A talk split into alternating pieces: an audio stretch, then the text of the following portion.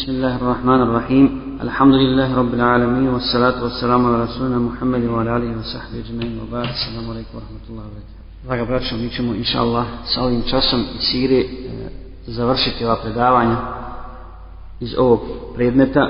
Mi nismo uspjeli e, završiti sve ono, ono kompletnu cijelinu kako smo bili naumili, jer nismo nam dovoljni i vremena. Inša Allah, mi ćemo pokušati da e, ono što nismo odradili do kraja, stavimo u našu skriptu kao i ostala braća iz ostalih predmeta pa ćete inšala to moći naći u skripti ili čak na kasetama na nekim prigodnim predavanjima mogli bi uzeti ove lekcije koje nismo završili i izvući pouku. Recimo ne, nećemo uzeti interesantne, interesantne izvući pouke i smrti poslanika celovala sel, međutim mi to danas nećemo, nećemo uzeti. Ili osvajanje meke, njegov govor na oprosnom hađu i tako dalje. E, međutim, zbog naše opreznosti i zbog onoga zbog okruženja u kojem mi živimo ja sam našao za shodno da danas dovršimo lekciju o munaficima munaficima i njihovom negativnom uticaju na, na islam, odnosno na islamski džema jer e, kako kaže Hasan Basri od nifaka niko ne strahuje osim mu'min a od njega niko nije siguran osim munafika dakle svaki vjernik, svaki musliman mora strahovat od toga jer e, kako prenosi jedan ashab koji ka, kaže znao sam 30 ashaba koji su se dakle imenom i prezimenom koji su se bojali nifaka koji se bojali munafiku i znamo da je, da je Huzeife radijallahu ta'ala imao spisak spisak ljudi koji mu je poslanica selem povjerio spisak munafika pa ga je čak i Omer radijallahu ta'an pitao, jesam li ja na tom spisku? Jesam li ja, bojim se da kada je mi pak. Omer kome je resao sam sam običao žene, ali pitao jesam li ja na tom spisku i kaže kasnije, kasnije kada, bi, kada je resao sam sam umro, Omer je pratio Huzeifu, kome bi on otići na dženazu i Omer bi otići na dženazu. Kome Huzeife ne bi klanjao dženazu, ne bi mu ni Omer klanjao dženazu, jer je znao da je da je on sa spiska, sa spiska munafik. Dakle, zbog toga ćemo zaokružiti ovu lekciju i vidjeti kako se poslanik sallallahu alaihi wasallam borio s tim i kakve nam je smjernice ostavio. Jer zaista mi živimo u jednom teškom halu, u jednoj teškoj situaciji kad dušmani sa svih strana pokušavaju da ubaci smutnju naš sapu da razjedini muslimane koji su onako slabi i mi smo tek u povoju, ova naša sahva, naše buđenje, tek je u povoju. Dakle, mi smo tek startali, ali alhamdulillah, Allah je dao rezultate. Allah je dao rezultate, inša Allah, zbog naše odlučnosti, ne zbog toga što, što smo mi nešto puno dali od nas, nego Allah je milosti prema, prema ovome umetu. I onaj, samo kad čovjek iziđe da poziva u Allahu vjeru, kad se javi takav insan, makar sam bio, Allah će ga podržati. I oko njega će se okupiti skupina ljudi. A mi znamo da, da će biti poslanika koji neće imati nijednog čovjeka na, na sudnje dan. Čita, dakle, kao poslanik nije imao. A mi, s tolikim grijesima, s tolikim slabostnim nedostacima, iziđeš na ulicu ili držiš der bilo gdje, ili u školi, ili na fakultetu, ili, ili u svojoj firmi, ljudi te prihvati. Ljudi te prihvati. Alhamdulillah. Dakle, govorit ćemo o početku, o početku nifaka. Poznato je da se munafici ne spominju u Siri u mekanskom periodu. Zašto? Zato što je mekanski period bio sav u znaku iskušenja. A kad su iskušenja u pitanju, onda tu, ne, tu, tu, tu nema munafika. Jer munafik ne može izdržati tu. Jer znamo šta je nifak. Nifak je dakle vanjsko pokazivanje vjere, odnosno islama, a ta je nje kufra u prsima. I kad treba izvršiti neku Allahovu naredbu, on može klanjati s tobom. To nije ušte teško. Može čak i postiti. Ali kad treba nešto žrtvovati za Allahovu vjeru, kad treba govoriti o jedinstvu muslimana, kad treba podmetnuti leđa, onda on nije spreman na to. Onda on radi na sve moguće načine da, da pocijepa sa. I Allah se zašanohu govori u Kur'anu u suri Anfal 49. ajetu i vjekulu l-munafikuna valladine fi kulubihim maradun garraha ulai dinu. Kada su munafici oni koji će srca bila bolesna govorili, go, govorili ove je obmanula vjera. Kaže se i kut u pogledu ovoga ajeta o munaficima i onima koji će srca bolesna, kaj to je skupina onih koji su prihvatili islam još u Mekiju. I tako kaže Ibn Kefir u svom tafsiru, prenoseći određene predaje, dakle, bilo je neki ljudi iz plemena Kurejiš koji su prihvatili islam, ali se akida nije učvrstila u njihovim srcima. I onoga dana, kada su muslimani izišli na bedr, Allah Đelešanuhu je šta, šta uradio? Umanio skupinu muslimana još više, svakako je bilo, a umanio još više u očima mušrika. Pa su ovi izišli na dan vedra, ti muslimani slavi akide i kad su vidjeli mali broj muslimana koji im se još učinio manji, rekli su ove je zaista obmanula vjera. Dakle, jer toliko, toliko se, se čino malo brana, malo, malo brana ta skupina. Početak okupljanja, kad je Resul sallallahu alaihi sallam ušao u Medinu, pa sve do bedra, munafici se nisu otvoreno pojavljivali i oni su bili jedan tabor, a to je tabor mušrika. Tabor mušrika koji je prevodio Abdullah ibn Ubej. I oni nisu drugačije nazivali. Nisu. E, I oni su bili jasni. Također židovski tabor je bio jasan. Osim rijetkih pojedinaca koji su se ubacivali kao špijuni u muslima, muslimanske redove. Kao što kaže Allah Želešanohu e, i kažu neki od njih od Ehlul Kitabija pri svojim pristalicama primite islam početkom dana početkom dana, a krajem dana ga odbacite ne bili se oni povratili. Dakle, izigraje se na taj način s time, jer oni će, oni koji tek prihvate islam vidjeti, jer židovi su, evo kitab, nosioci knjige. I oni znaju o, o poslanicima, znaju o, o dunjalku i o heretu, znaju o vjeri, sve. Ali, znači, kad je oni prihvate pa je odbaci na kraju dana, onda, znači, u tome, da na taj način stvoriti, stvoriti nerim. Dakle, munafici se pojavljuju tek nakon velikog triumfa, triumfa na bedru. Abdullah ibn Ubej, mi znamo da je njemu bilo obećano vođstvo Hazređa i Jevsa. I kraljevska kruna, koji je trebao da ponese, kao vođa njimu. Međutim, poslanik sa veselemu je to poremetio. Njegov dolazak je njega bačio, bačio u čošak. I on nije mogao to da trpi, izgaro je iznutra. Nije mogao, nije imao snage da se suprostavi poslanik sa veselemu otvoreno, a nije htio da se pokori Allahu Đalešanohu i da se istinski posvjeti, posvjeti islamu kao musliman i zato je stalno radio protiv poslanika sallallahu alaihi wa sallam. Prvi slučaj iz kojih ćemo izvući pouke jeste slučaj sa plemenom Benu Kainuqa. Kada su muslimani pobjedili na Bedru, to je munafike razjedalo. To je uništilo. I škovali su spritke kako da to, da to ura, šta da urade. Pa mi smo spomenuli taj slučaj, kad se vratili iz Bedra, šta su rekli munafici, židovi? Šta su rekli židovi i munafici? Lahko vam je bilo s njima. Vi se niste sukobili s pravim istinskim borcima. Dakle, to su rekli židovi, židovi onaj, Muhammedu sallallahu alaihi wa sallam, I onda se desi jedan događaj. Oni su otvoreno najavili rat. Najavili rat poslaniku sallallahu alaihi wa sallam tada. Poslanik se sve to prešutao. Prešutao. I Allah žena objavlja ajete.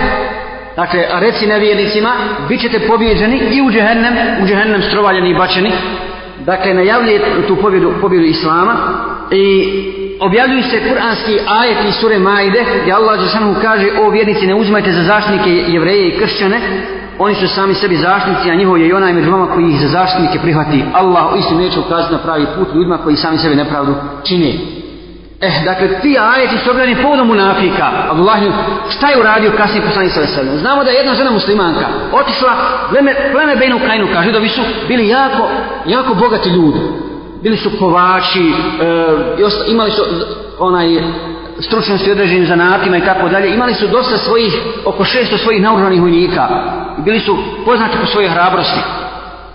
Pa je jedna žena muslimanka otišla jedan dan u njihovo pleme, u njihovu ulicu, u njihovo sokak, da kupi nešto. Bila je pokrivena. I onda, onda su židovi se smijavali s njom i tražili su da ona skine hijab, da im otkrije, da im otkrije lice. Ona nije na to pristala i kada je izlazila iz dučana, jedan je stao na, pošto, je, pošto se vukao onaj onaj dio maramina pozadi i da je stao na to, na to nije primijetila taj kraj pa je otkrio, pa je otkrio dio tijela. I onda je to jedan musliman i ubio ovog židova. I normalno onda su židovi skočili i ubio ovoga muslimana. I to je bio povod za bitku protiv plemena Benu Kajnuka. Resul sallallahu alaihi wa sallam je opsjedao 15 dana sa sahabima njihovo, njihovo, upori, njihovo uporište i tamo kao se trebali predati, u stvari predali se bitka izgubljena, dolazi Abdullah ibn Ubej i upetljava se, upetljava se ovdje i kaže poslaniku, sallallahu alaihi wa sallam, zar ćeš, ostavi moje, ostavi moje saveznike, oni su me branili, oni su me štitili, oni nikome, oni nikome zone čini, nemoj da ih ubijaš, pogledaj, to su, to su dobro i tako dalje. Poslanik sallallahu alaihi wa sallam se okrenuo od njega i rekao, bježi od mene, on je stavio, pogledaj drskosti, on je stavio svoju ruku u njegov džep, u džepu njegove košulje i poslanik sa selam govori ostavi me, pusti me, e vallahi nećete pustit, nećete pustit, nećete svoju ruku iz, iz svog džepa dok i, dok ih ne oslobodiš, dok ne, onaj, ne pomiliješ ove moje savjeznike. I poslanik sallallahu alaihi sallam je pristao na to. Pristao na to. Dakle, ovaj stav je zaista cudan i nezamisliv u islamskom društvu. Dakle, on se već izjasnio, javno izgovorio uh, riječ šehadeta. I islamski stav se nije sačuvao, braćo, ovakvih ljudi, od početka do danas. Način obhođenja jednog muslimana prema poslaniku, prema vođi, prema vođi džemata, prema emiru, prema, prema onome ko predvodi taj džemat, prema alimu, da zna se kakav treba da bude. A posebno prema poslaniku, kakav je odnos? Slušam i pokoravam se. To je odnos prema poslaniku, sti, poniznost, pažnja i tako dalje. A ne ispoljavanje stalo svog mišljenja. Stalo, jasna stvar, ali ti uvijek imaš što da kažeš ne zbog toga što imaš nešto reći, nego samo da bi eto bio u centru pažnje, da bi ti nešto rekao. A poslanik sa veselem je svakako davao po, on nije bio takav čovjek da nije slušao mišljenje. Davao je svako mogućnost da se izrazi na šuri, da iznese svoje mišljenje. Ali ova je, ov, ovakvi ljudi su, ovakvi ljudi su i pored toga tražili više i pokazali su svoj nifak. Pouke koje bismo mogli izvući iz ovoga slučaja, braće, jeste osuda svakog vojnika ili svakog pripadnika određenog žemata ili i e, nižeg stepena vočstva koje se suprostavlja koje se suprostavlja odlukama odlukama vočstva u žematu odlukama vrhovnog vočstva u žematu ili vočstva u jednoj državi u jednoj državi ako je ta država islamska država I takvi ljudi, često puta, dakle, oni koji stalno imaju nešto da kažu, koji stalno hoće da stvaraju, da stvaraju zabunu i nerijed u, u redovima, oni koriste često puta svoj materijalni položaj. Imaju novac, imaju bogatstvo i onda okupljaju posebe drugi ljudi. Ti oformio džemat. Taj džemat je jasna stvar. Zasnovan na Kur'anu, na sunnetu ali se nađu oni koji imaju novac, imaju nekakav uticaj politički i tako dalje u društvo i onda iskoristi to da bi, da bi, da bi pocijepo džemat i da bi neko, da bi, da bi stvorio novu grupu, novu, novu, novu formaciju. To su dakle opasne stvari i takvi ljudi liče na Abdullah i Ubeja. Dakle, mi ne kažemo znači da su to oni, da su, da su oni kao on, ali liče ima, to je ta osobina koju on, koju on ispolio. Međutim, Allah je lešanohu i alhamdulillah nas nama pokazao i ukazao na istinski primjer pravog mu'mina kao što je bio Sa'id ibn Ubade. I on je bio saveznik, bolji saveznik sa, sa, sa Benu Kajnuka od Abdullah ibn Ubeje. Ali šta je rekao? U ime Allaha Đalešanuhu, ja ostavljam, ostavljam te saveznike, ne mogu imati mušike za saveznike i odričujem se tog savezništva s njima, a prihvatam poslanika sallallahu alaihi ve sellem. To je jedno. Druga stvar, također islamski vođa, vođa jednog džemata ili vođa države, jemir i tako dalje, ne smije zauzeti stav da on sam zauzme stav koji je suprotan džematu. To su, to su neki islamski propisi koji se mogu izvući iz ovoga događaja. Dalje, tako je postupio Abdullah ibn Ubej i poslanik sa sa njim postupio onaj, kod Benu Kajnuka. Dalje, na Uhudu. Na uvodu vidimo, spomenuli smo to, samo ćemo usput spomenuti ovdje. Dakle, on 30 svoj, 300 svojih sledbenika odvodi sa Uhuda. Pa i poslanik sallallahu alaihi ve sellem ovdje kod Beno Kajnuka prihvata njegovo mišljenje. Na Uhudu ne prihvata njegovo mišljenje. Jer rekli smo da je on bio zato da se ostane u Medini. Poslanik sallallahu alaihi ve je prihvatio mišljenje ashaba, nije prihvatio njegovo mišljenje. I sad poslanik sallallahu alaihi ve sellem zauzima drugačiji, drugačiji stav. Abdullah ibn Ubej odlazi sa trećinom vojska, sa a, 300 vojnika, Međutim, nije to samo problem. Nije problem što on obavi trećinu vojske, nego je problem što je on unio nered. Što je unio nered. I Allah djela sam govori u sudi Ali Imrana, mi smo citirali te ajete, kad smo izvlačili pouke iz, sa Uhuda, iz bitke na Uhudu. Dakle, jedni su ostali tu, ali su stvarali nered. A drugi su otišli s njim, drugi su otišli s njim i opet širili, širili glasine protiv, protiv muslimana. Protiv muslimana. Stav poslanika sallallahu alejhi ve sellem prema Abdullah ibn Bejsa dakle sad mijenja. Prvi put je prihvatio poslanik sallallahu alejhi ve sellem mada je bio držak, ali je prihvatio. Pogledajte, braćo, ovdje zaista moramo izvući pouku. Pored te drskosti, poslanik sallallahu alejhi ve sellem prihvata njegovo mišljenje. Zašto? Da bi ga pridobio. Da bi ga pridobio. Poslanik sallallahu alejhi ve sellem ide na to ne bi se pokajao. I on i njegovi sebenici, kad vide oni kako je on lijepo postupio sa njim, reći će, pa zaista nije prijatelj nije fjer, nema smisla on toliko pošten prema nama i vidi se da je iskren vidi se da nikome ni trunku zuluma ne čini niti nepravde pa, po, pa vratit ćemo se u okrilje islama međutim tako se nije desio tako se nije desio zato poslanik sallallahu alejhi ve sellem kasnije ne prihvata njegovo mišljenje i isključuje te, tu skupinu čisti skupinu čisti sah muslimana od takvih ljudi makar je bilo ne znam koliko jer oni nisu bitni bitnije sačuvati princip, princip islama, nego imati takav, ta, takvu zbrku u redovima koji će, koji će ti stalno, stalno biti nasmijeti. I ovo je Allahova milost. Ovo sranjivanje munafika je milost od strane Allaha Đerlašanu. Posle toga munafici, dakle, posle uhuda rade tajno. Rade tajno i pripremaju, pripremaju nove svetke protiv poslanika, sallallahu alaihi ve sellem. Zato ćemo i vidjeti. Zato ćemo i vidjeti prilikom pohoda na Benu Nadir. Kada je poslanik sallallahu alaihi ve sellem napao pleme Benu Nadir zbog njihovih spletki, zbog njihovih, zbog njihovih zavira, Allah je sallam govori to u suri Haš, u suri Haš se spominju, spominje taj slučaj. E, I protjerao je, šta su rekli oni? Šta su rekli, rekli, kurež, e, rekli munafici e, židovima? ne bojte se, mi ćemo biti s vama, mi ćemo vas podržati. Pogledajte ih, na Uhudu otvoreno izlaze, ovdje sad kad vidje da ne, nema i snage, sad se povlače u, zmi, u mišije rupe i onda otuda, otuda polako će. Pa ako vas protjeraju, u suri, u suri Hašta to smo, ako vas protjeraju, mi ćemo s vama izići. Ako se budu borili protiv vas, i mi ćemo biti s vama. Međutim, to se nije desilo. Oni su se nakon šest dana predali i poslanik sa sada naređuje im da se isele, da se isele, dakle nije htio da ih ubija, nego morate se iseliti, nemamo više mjesta tu, u blizini Medine i iselila se većina iselila u, u, na Hajber, na Hajber pokupili svoje stvari i srušili su svoje kuće svojim vlastnim rukama i, zap, i zapalili. Dakle, sura Haš je objavljena, objavljena tim povodom i povodom munafika i njihovog odnosa, odnosa prema, prema njim. Dalje, Kur'an dakle stalo slazi i obilježa i, i, i otkriva i sramoti munafike, ali pored toga, ali pored toga, braćo, Islam im daje mogućnost. Islam im daje, Islam ostaje ta nit, jer oni su izgovorili šehadu. Islam ostaje još ta tanka nit koja još uvijek može spojiti, spojiti sa safom muslimana. Pogledajte mudrosti ovdje, dakle, poslanik sa selemi ne ubija, ne protjeruje, ne, ostaje oni tu. Jer njihova igra, na, ti igrači na žici su otkriveni nema šta. Osramoće, osramoće je njihovo javno ispoljavanje islama, a, a tajenje kufra. Međutim, ostaje još ta tajna nit i mogućnost da se pokaju, a nema druge šanse da dođu u saf muslimana osim istinske taube i ostavljanje svega onoga, svega onoga što su radili. Zatim, munafici na Ahzabu, i o tome smo govorili, kad smo govorili o, o bici, bici na Hendeku, kako su se oni ponašali i kako su se podijelili u tri skupine. Prva skupina, oni su učesnici bitke ali pred, e, pred naletom mušrika i velikim iskušenjem njihov imam biva potpuno srušen i uništen i otkriva se ono što je u njihovim dušama dakle u siri se čak spominje slučaj kako jedan od njih rekao Muhammed nam obećava Perzijsko i Vizantijsko carstvo, a mi nemamo, mi nemamo gdje obaviti nuždu, ne, ne smijemo izići od straha, da budemo na njima. Dakle, ovo je govor utopljenika koji se drži, drži za slamu. Kod muslimana to se ne može desiti. Druga stvar, oni koji su govorili naše su kuće nezaštićene. To je druga skupina. I tražili poslanika sa veselim da odu. Oni su također bili učesnici. Naše su kuće nezaštićene. Sad ibn Muaz dolazi poslaniku sa veselim i kaže, možda bi i poslanik čak i pustio. Kaže Sad ibn Muaz, ja Rasulullah ne dozvoljava im dobro. Ne dozvoljava im dobro. Allah lažu. I nikada, i nikada nisu bili s nama, ni u jednom ovakvom iskušenju da nisu tako postupili.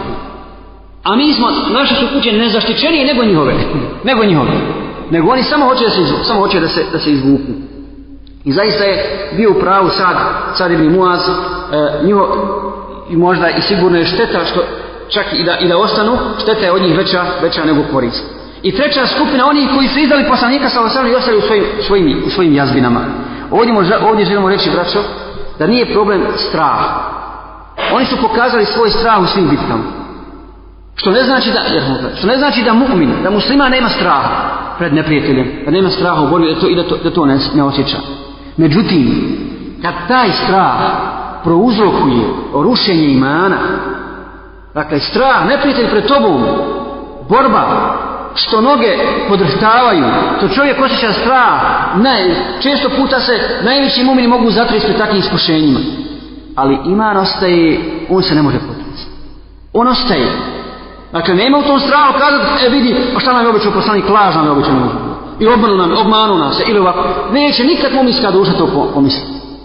Nego Allah je istina, njegov poslanik sa selem je istina, ahiret je istina, ono što je s čime poslanje sve došlo, to je, to je istina, makar se ti treso ne znam koliko, dakle, može doći takva situacija, dakle, ovo želimo da napomenu ovdje, često puta smo nije strah monafika, ispada da mumini nemaju straha, imaju straha, ali to ne utiče na njihov iman, jer strah koji ruši iman i briše ga iz prsa, to je opasna stvar, to je dokaz da imana ne ima u srcu, da se on nije, da se on nije ustabilio.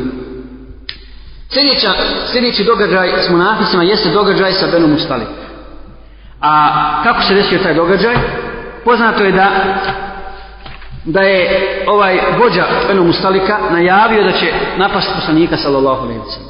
Poslanik sallallahu alejhi ve sellem je opremio vojsku kad je to čuo, provjerio je vijesti kad je to čuo, opremio je vojsku i krenuo na Beno Mustaliku. Pored toga imao špijun koji je bio došao da provjeri kako se muslimani opremaju ubijanje. I kad su to čuli ovi iz Benu Mustalika i njihovi saveznici, saveznici su ih izdali i oni su sami se predali pa nema, nema ništa od toga. Tako da, da nisu, da nisu, da nisu naj, uspjeli ništa uraditi. Nakon toga, Resul sallallahu alaihi wa sallam se odmara sa svojom vojskom.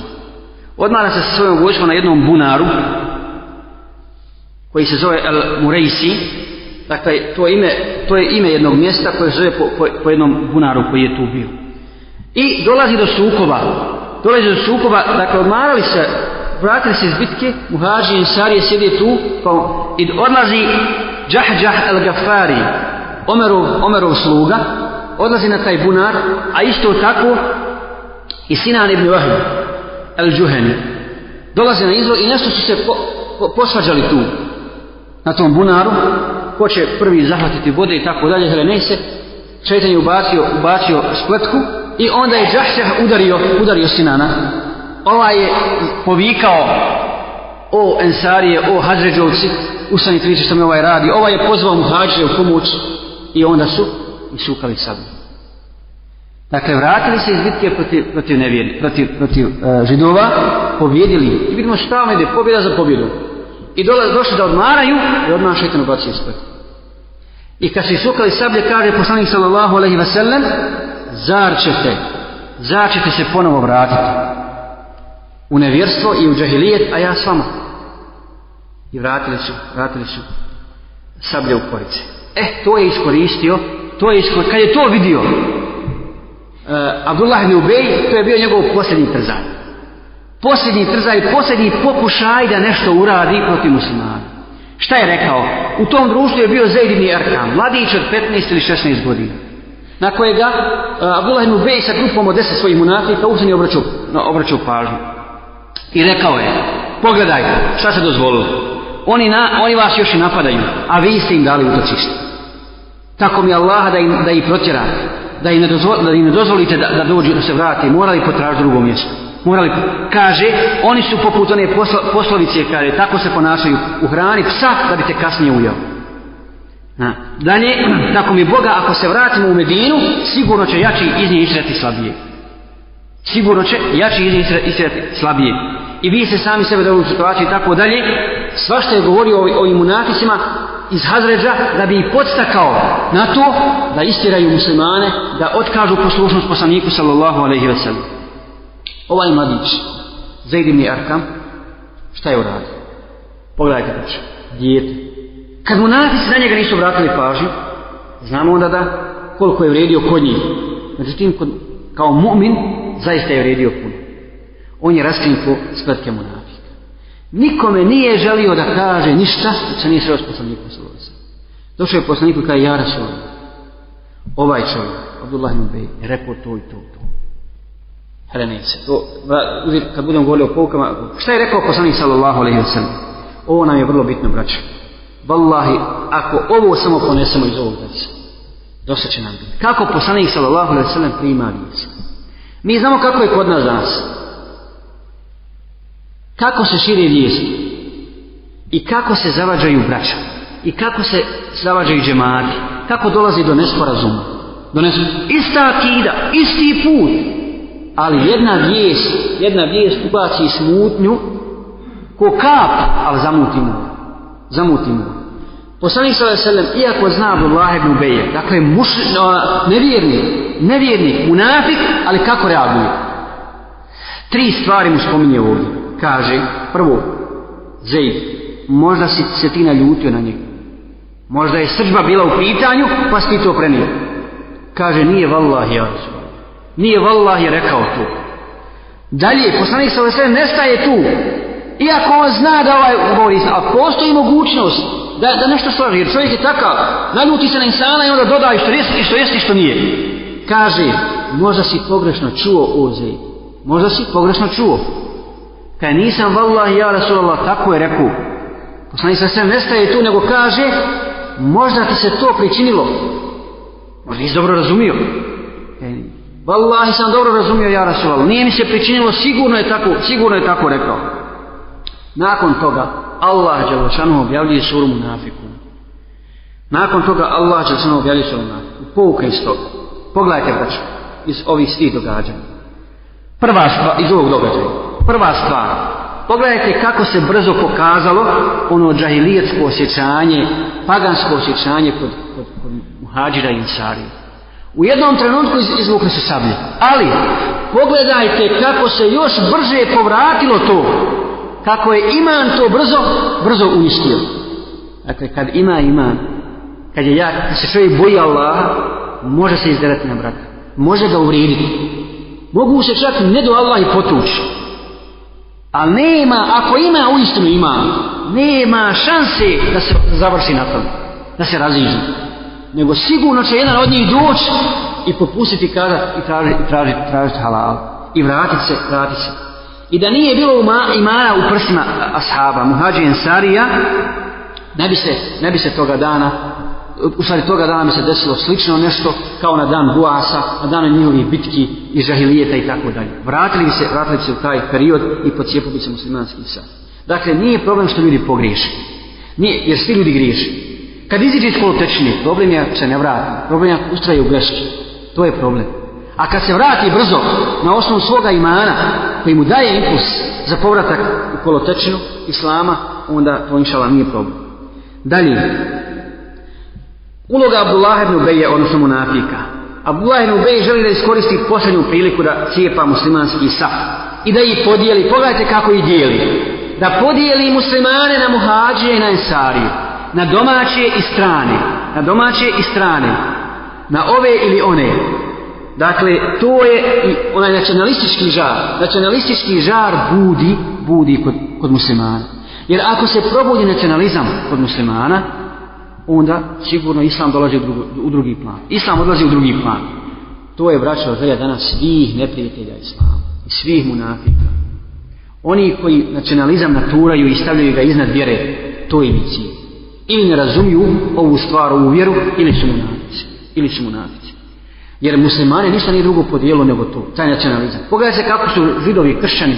Mi samo o njima govorimo, ali do nas je, do nas je. Oni su svoje, oni samo spletke pletu, Allah nas uči tome.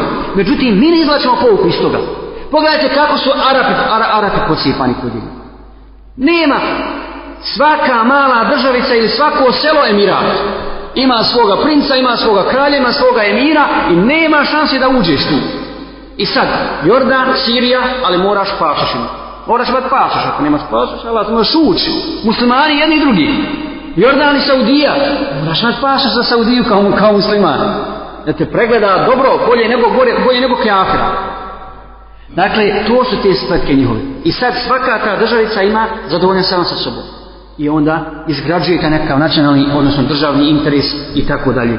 I onda kad se to desi, onda su muslimani slabi gotovo. Gotovo, kako je rekao na jedan čovjek savjetovo svoje sinove na samrti, da im pokaže primjer jedinstva. Kaže, o sinovi, ja vas upozoravam da budete jedinstveni, da budete jedno. Da budete jedno. Jedna pesnica. Pa kaže, primjer toga, donesite mi sedam štapova. Pa ka, sedam štapova jakih, jedan snop, E, hajde neka svako od vas pokuša slomiti taj snop. Niko nije uspio. Niko od njih nije uspio, od sedam sinova. Kaj, haj sad, odvojite taj snop i uzmite, pa jedan po jedan štap slomite. Da vidimo, hoćete li moći? I to su onda lahko, lahko uradili, nema problema. Samo kad se razdvoji, svako onda je lahko, lahko to polomiti, lahko slomiti. Na to upozoravamo, na to, na to da, da se to nama ne dosi, zbog toga izvlačimo pouke iz ovoga. Kako je ovo dočekano muslimanskim radovima? Abdullah ibn Ubej je rekao to što je rekao. Dječak Zaid ibn Erkam je rekao to što je rekao. I sada, dolazi do zabune kod muslimana. Kažu neki muslimani, ja Rasulallah, možda, je, možda dječak laži. Kako njemu možeš vjerovati? Možda nije, možda on hoće da ubaci fiku i smutnju. Međutim, tada je se Zaid ibn Erkam povukao. Bilo mu je teško kao dječetu, kao dječaku. Krivo mu bilo, zna da govori istinu. I on se povuka upući dok Allah nije objavio suru munafiku. Dok se nije otkrila istina. Međutim, oni koji su bili, koji su bili potpuno ubijeđeni da je u, u, u nifak ovoga, ovoga munafika, oni, su, oni, oni nisu, uh, nisu puno kolebali oko toga. Hoćemo samo, braće, da upozorimo na, na, na razboritost ovog dječaka. Wallahi, takvi na danas mladinci trebaju. Ne samo mladinci, nego vođe. Kad bi imali takve vođe, povjernive, iskane, odane, oni koji čuvaju tajnu, sigurno bi, inša Allah, uspjeli. A da ne govorim o ljudima, koji, o mladićima koji, koji, imaju, koji, koji imamo u svom safu. Dakle, kad bi tako vođu imali, bilo bi dobro. Jer u nas se nisu vraćali pažnje na njega, on je iskoristio, iskoristio veliku priliku. Dalje, e, rekli smo da je Resul sallallahu alaihi ve sellem spomenuo na tri slučaja. Zatim, posle toga muslimani se dijeli. Omer radijallahu ta'ala an, međutim, onaj koji je bio ubižen njegov nifak, šta je rekao? Ja Rasulallah, nema sumnje u njegov nifak. Ja Rasulallah, pošalji, pošalji u badat ibn Bisa da mu osjeće glavu. Šta ovdje primječiti? Omer govori, o, ja Rasulallah, pošalji u badat ibn Bisa da mu, da mu osjeće glavu. Abdullah ibn U svim drugim situacijama, kad se, kad se desilo, kad se desilo, kad se radilo munaficima, kad se radilo o nevjericima, i kad, kad bi neko uvrijedi poslanika sallallahu sallam i ne bi poslušao njegovu naredbu, šta je govorio o me? Ja, Rasulallah, do, dozvolim da im osjećam glavu. A sad kaže, pošalji, ubadati u nizu, što? Dobro, ali jesi, jesi, ubadati mi više iz istog on je, on je Ensarija, on je hazre, iz Hadreta. Ali zbog čega nije to tu? Je, jedan dio. Ali zbog čega Omer nije kazao, ja da se ova daj da mu ja osjećam glavu. Pa bliže si, ali malo prije sam spomenuli slučaj. Zašto je ovo rekao? Kad malo bolje promotrimo stvar, pred nama će se pojaviti blistav primjer razboritosti, pravde i čistote imana koji je posjedao Omer i koja je bila iznad svake strasti. Znamo da je onaj koji izvao suko bio njegov sluga Džahđa. I Omerov sluga, Dakle, on je muhađir. On je muhađir. I ako ga Omer ubije, da je Omer to rekao, rekli bi, vidi, brani muhađire, a napada, napada ven se. To je očiti primjer nacionalizma, očiti primjer sektaštva i tako dalje. To Omer neće, nego Omer se izdiže iznad toga, iznad tog džahilijetskog, to je primjer, primjer istinskog, istinskog imana iz, iz, iz, iz, iz, iz, iz tog paganskog žara i traži od vođe Hazređa, dakle od onoga koji iz tog plemena da ga ubije, a istinski, istinski je mu'min.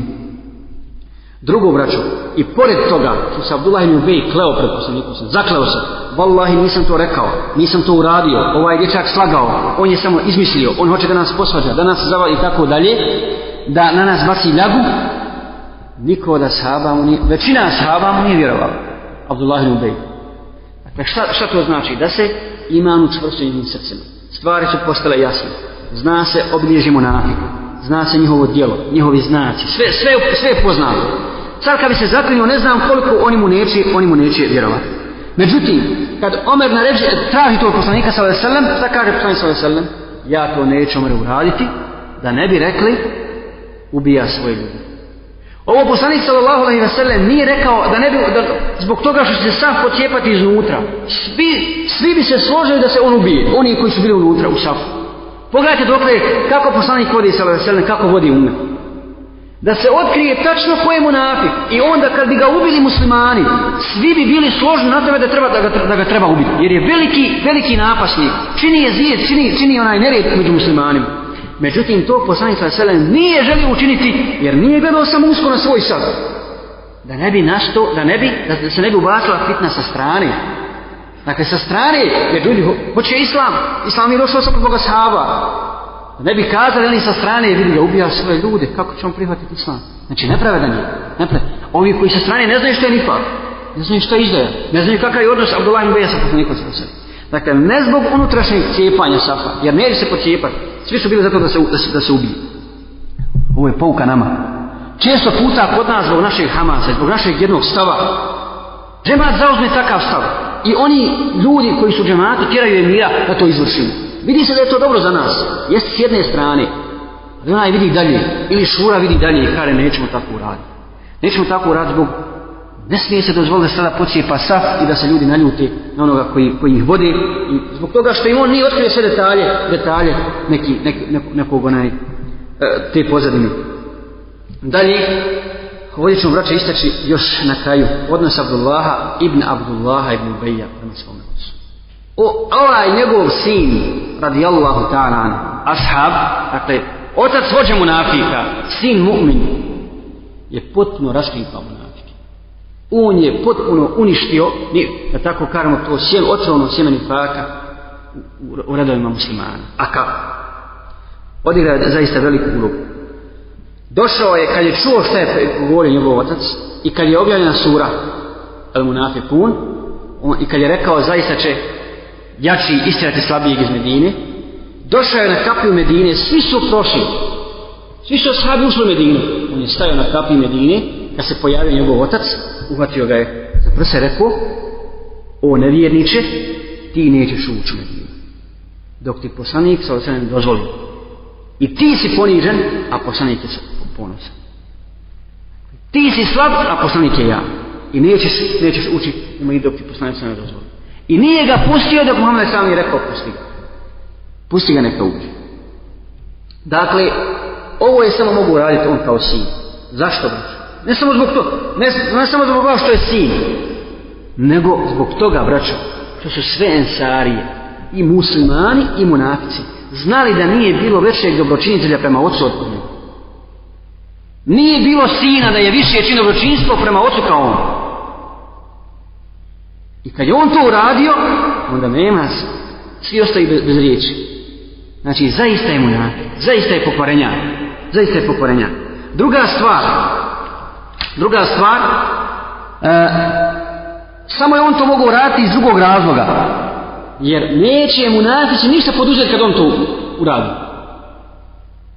Jer oni nisu ljubomorni prema njegovom ocu od njega. Oni ga ne vole više, više nego on. On voli više svog oca sigurno od njih. I ljubomorniji prema njemu i teži mu i zbog toga što neće prihvati islam. I kad je on to uradio, mu nasići su samo stali. Nisu mogli da šire svoju fitu pa da kažu da je neko drugi, da je to Omer uradio, da je to neko drugi da Saba uradio, gotovo nastavite.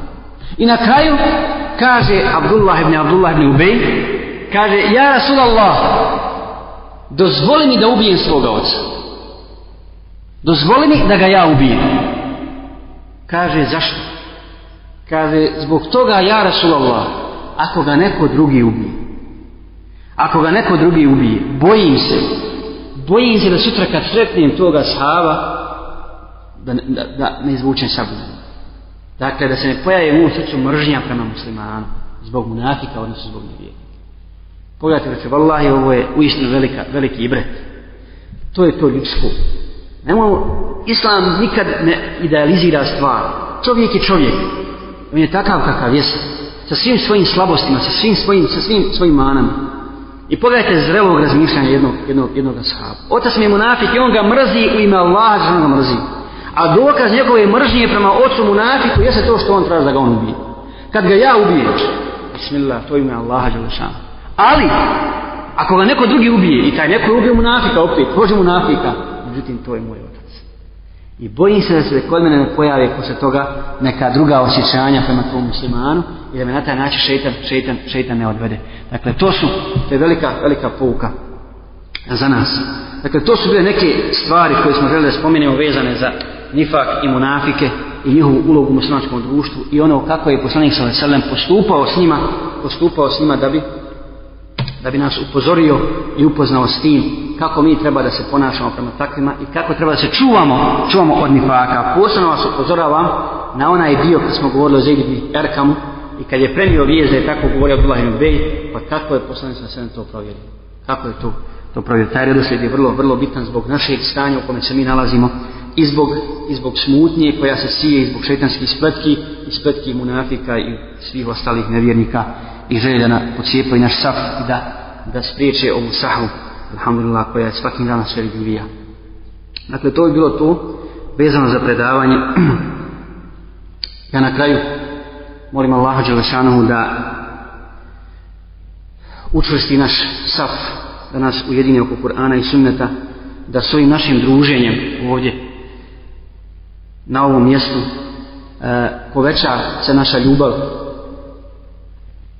da se povećaju dakle, te bratske veze bratske veze među nama jer zaista bez obzira što, što je bilo nekih falinki vezano za ovaj seminar nisu došla braća iz Evrope i tako dalje što bi zaista uveličalo, uveličalo taj skup međutim u suštini to ništa ne mijenja na stvari to ništa ne mijenja na stvari da, su, da je došao po jedan čovjek iz svih tih krajeva, ovo je ipak jedno, jedno, onaj, jedno veliko iskustvo.